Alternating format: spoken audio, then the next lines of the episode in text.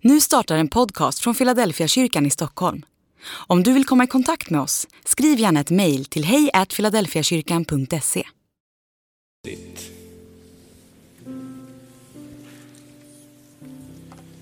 Jag ska inte predika länge och jag ska försöka hålla det löftet.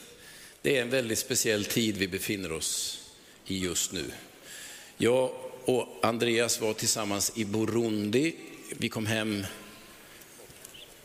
för ett tag sedan.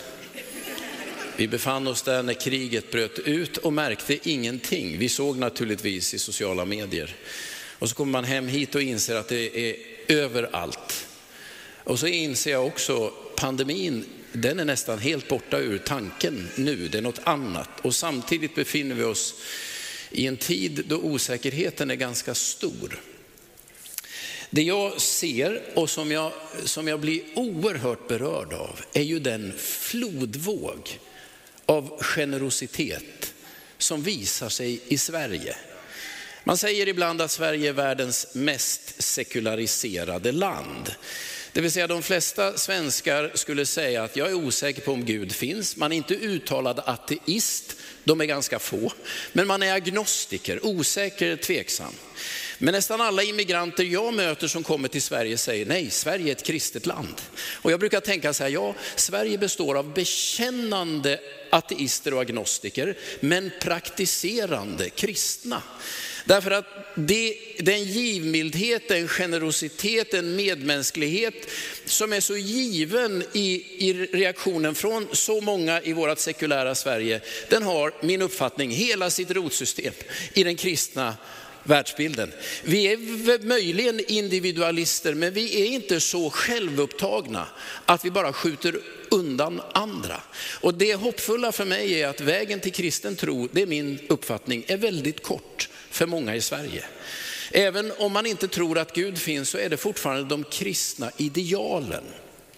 Att betjäna sin medmänniska, att vara osjälvisk, att inte utnyttja ledarskap för egen vinnings skull, att ge någonting till den som behöver, att öppna sitt hjärta för den som är i nöd. Allt det är ju Jesus-kodat, men det ligger kvar i stora delar av Sverige. Och därför tänker jag att det är en kort väg mellan många så kallat sekulära svenskar och Jesus.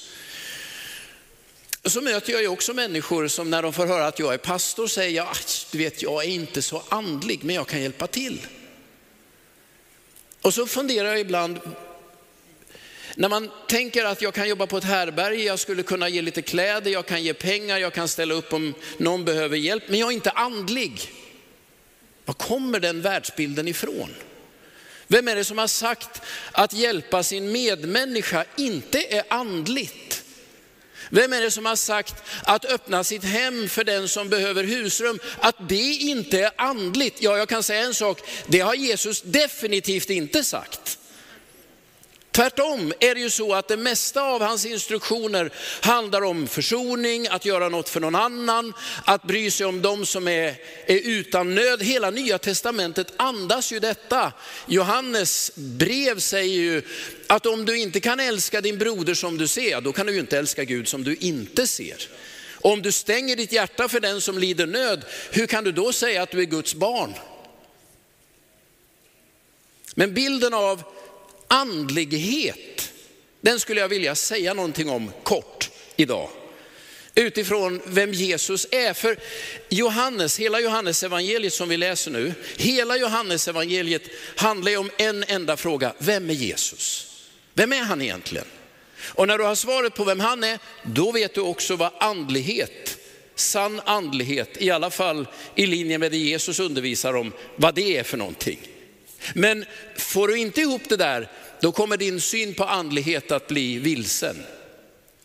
Så svaret på vem Jesus är också svaret på vad sann andlighet är, i kristen tro i alla fall. Så låt oss nu läsa om ett av de här kända undren som finns i alla de fyra evangelierna. Det fjärde av de sju tecknena som finns i Johannes evangeliet. Johannes evangelium kapitel 6, vers 1 till vers 15. Sen for Jesus över till andra sidan av Galileiska sjön. eller Tiberias sjön. Mycket folk följde efter därför att de såg de tecken han gjorde genom att bota de sjuka. Och Jesus gick upp på ett berg och satte sig där med sina lärjungar. Det var strax före judarnas påskhögtid. När Jesus lyfte blicken och såg att så mycket folk var på väg till honom sa han till Filippus, var ska vi köpa bröd så att alla dessa får något att äta?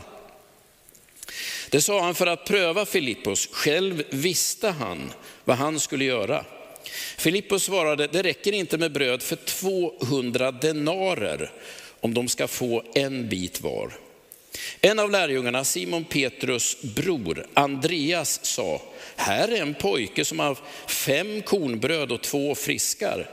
Men vad förslår det till så många? Jesus sa, låt folket slå sig ner. Det var gott om gräs på den platsen. Och de slog sig ner, det var omkring 5 000 män. Jesus tog brödet, tackade Gud och delade ut dem åt dem som låg där. Och likaså av fiskarna så mycket de ville ha. När de hade ätit sig mätta sa han till lärjungarna, samla ihop bitarna så att, som har blivit över så att ingenting förfars. De samlade ihop dem och fyllde tolv korgar med de bitar av de fem kornbröden som hade blivit över när de ätit. Då människorna såg vilket tecken han hade gjort sa de, detta måste vara profeten som skulle komma hit till världen. Men Jesus som förstod att de tänkte tvinga honom med sig för att göra honom till kung, drog sig undan till berget igen i ensamhet. Vad är det här för mirakel? För det måste man ändå säga att det är ett fantastiskt under. Det är otroligt praktiskt, vardagsnära. Folk är hungriga, de behöver mat. Det är många på väg hit. När jag läste det så tänkte jag på den situation vi befinner oss i just nu. Det är många som säger i Sverige, det är många på väg hit.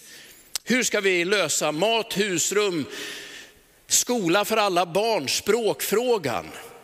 Det är ju lite grann som detta under. Vad gör Jesus då? Ja, här finns några möjliga alternativ, ni har ju hört facit. Men enligt den grekiska eh, världsbilden så handlar andlighet om att på något sätt fjärma sig från det världsliga, det praktiska, det materiella. Det är oandligt. Vem, vi, vi ska väl inte hålla på med bröd och fiskar och sånt där praktiskt. Nej, nu ska vi in i bön och fasta och sväva ut i andevärlden. Men det säger inte Jesus. Eller hur? När han säger folk är hungriga, vad gör vi då? Då ger vi dem något att äta. Men vi är ganska många som är djupt präglade av den grekiska världsbilden. Där det som är mänskligt, praktiskt, fysiskt, det är besvärligt. Och det andliga, det ska man koka loss ifrån kroppen, koka loss ifrån vardagen, segla ut i det blå. Och ni vet ju att i kyrkans historia har idealiserats de här som aldrig gifter sig, inte skaffar familj, sitter ett helt liv uppe på en pelare eller bor i en grotta borta ifrån alla andra människor. Jag har bara så svårt att hitta det i Jesu undervisning.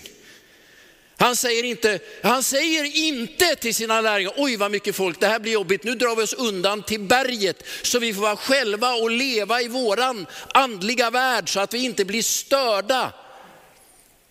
Han säger inte det. Han säger, nu får vi fixa mat. Och det är det här jag brottas med och tror jag ganska många här. Att det här vanliga vardagliga livet med mat och med kläder och med tvätt och med ungar eller barn eller bekymmer, ni vet allt det här, oh, tänk om man slapp det och så fick man bara vara andlig. Det är en falsk idé, en falsk Andlighet, den kommer ur grekisk filosofi som hela nya testamentet med näbbar och klor bekämpar. Du är inte andlig genom att lämna detta livet, du är andlig genom att vara i det här livet. Och när Jesus gör under så är det sjuka som blir friska, det är hungriga som blir mätta. Det är otroligt praktiskt. Den andra världsbilden, om den grekiska världsbilden, handlar om att på något sätt till varje pris försöka koka loss själen ur köttets fängelse.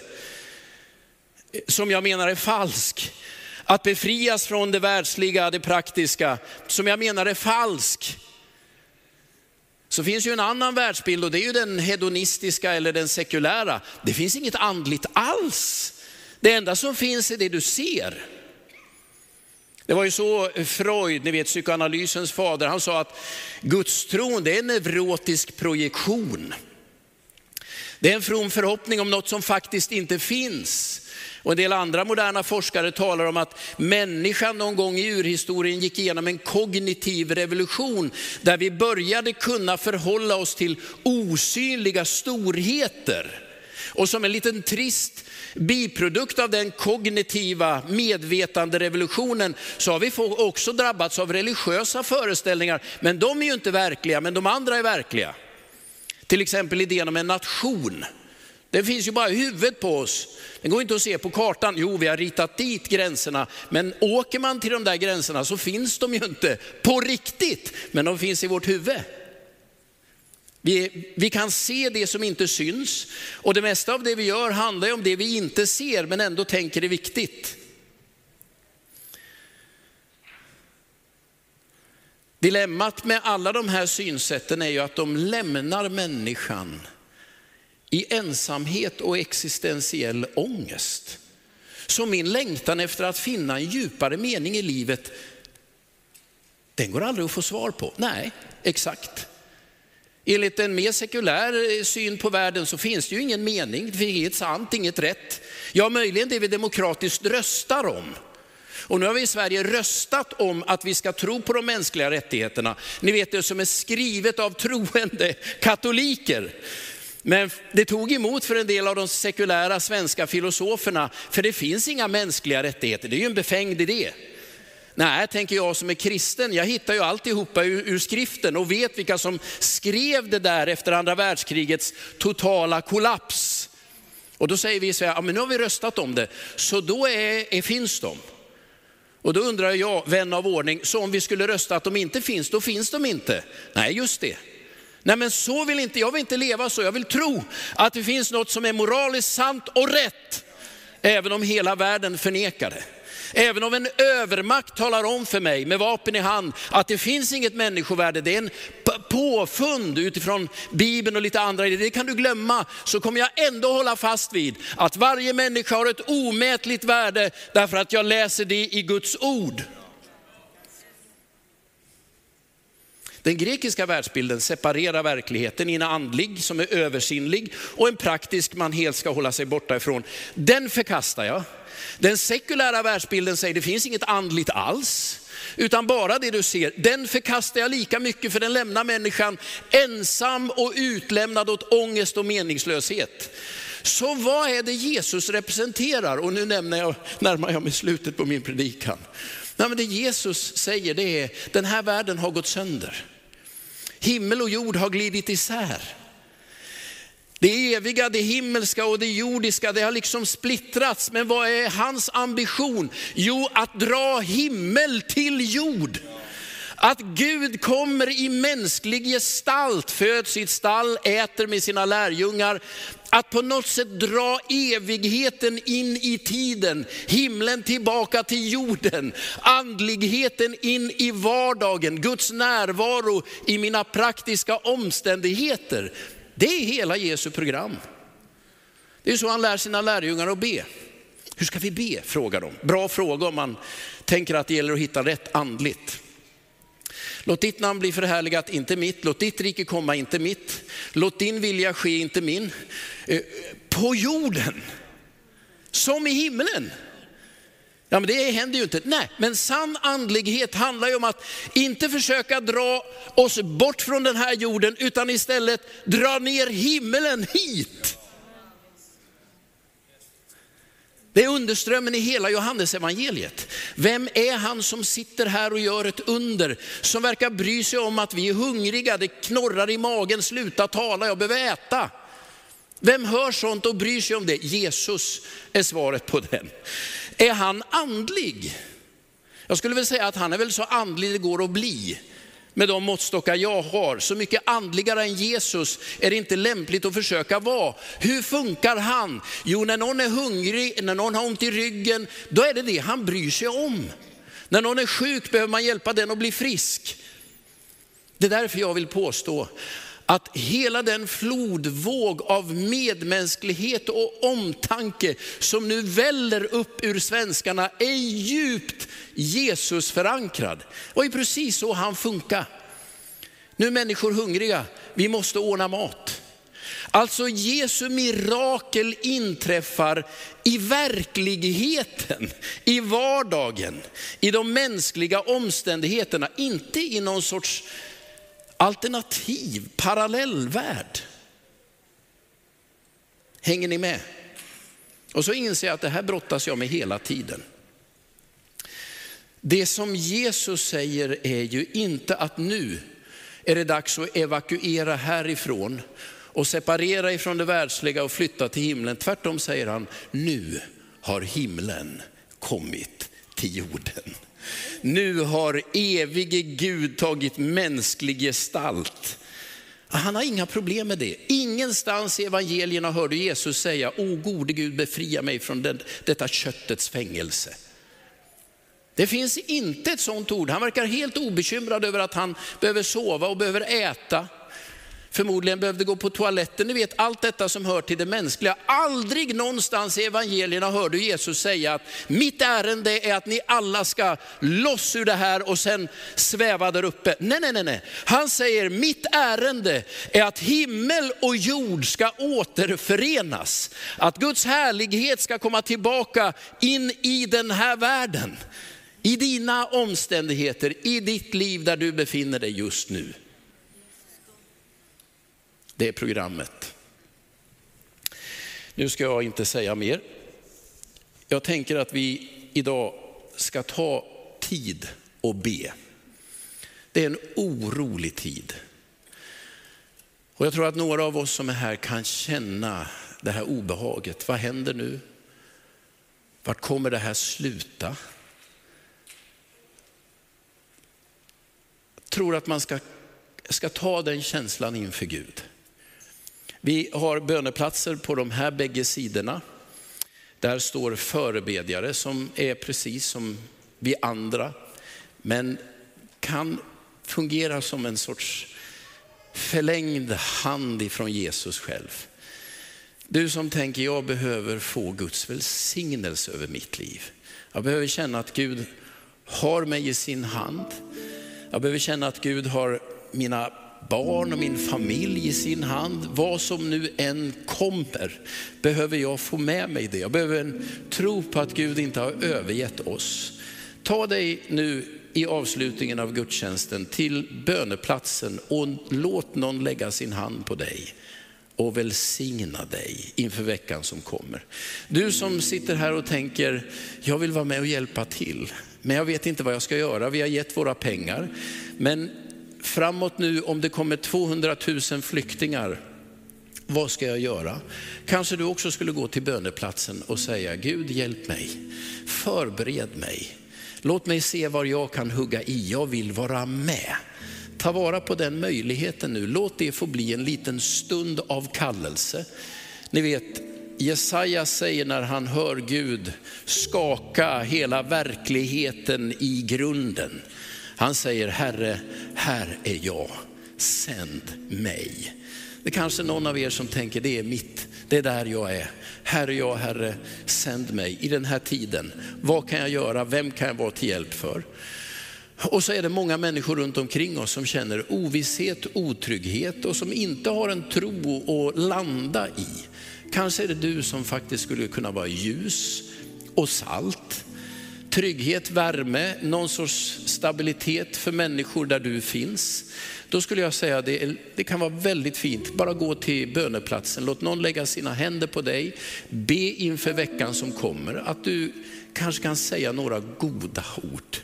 Och du vet alla de här människorna vi har omkring oss som just nu ställer upp, öppnar både plånbok, beredd att öppna hem och hjärta.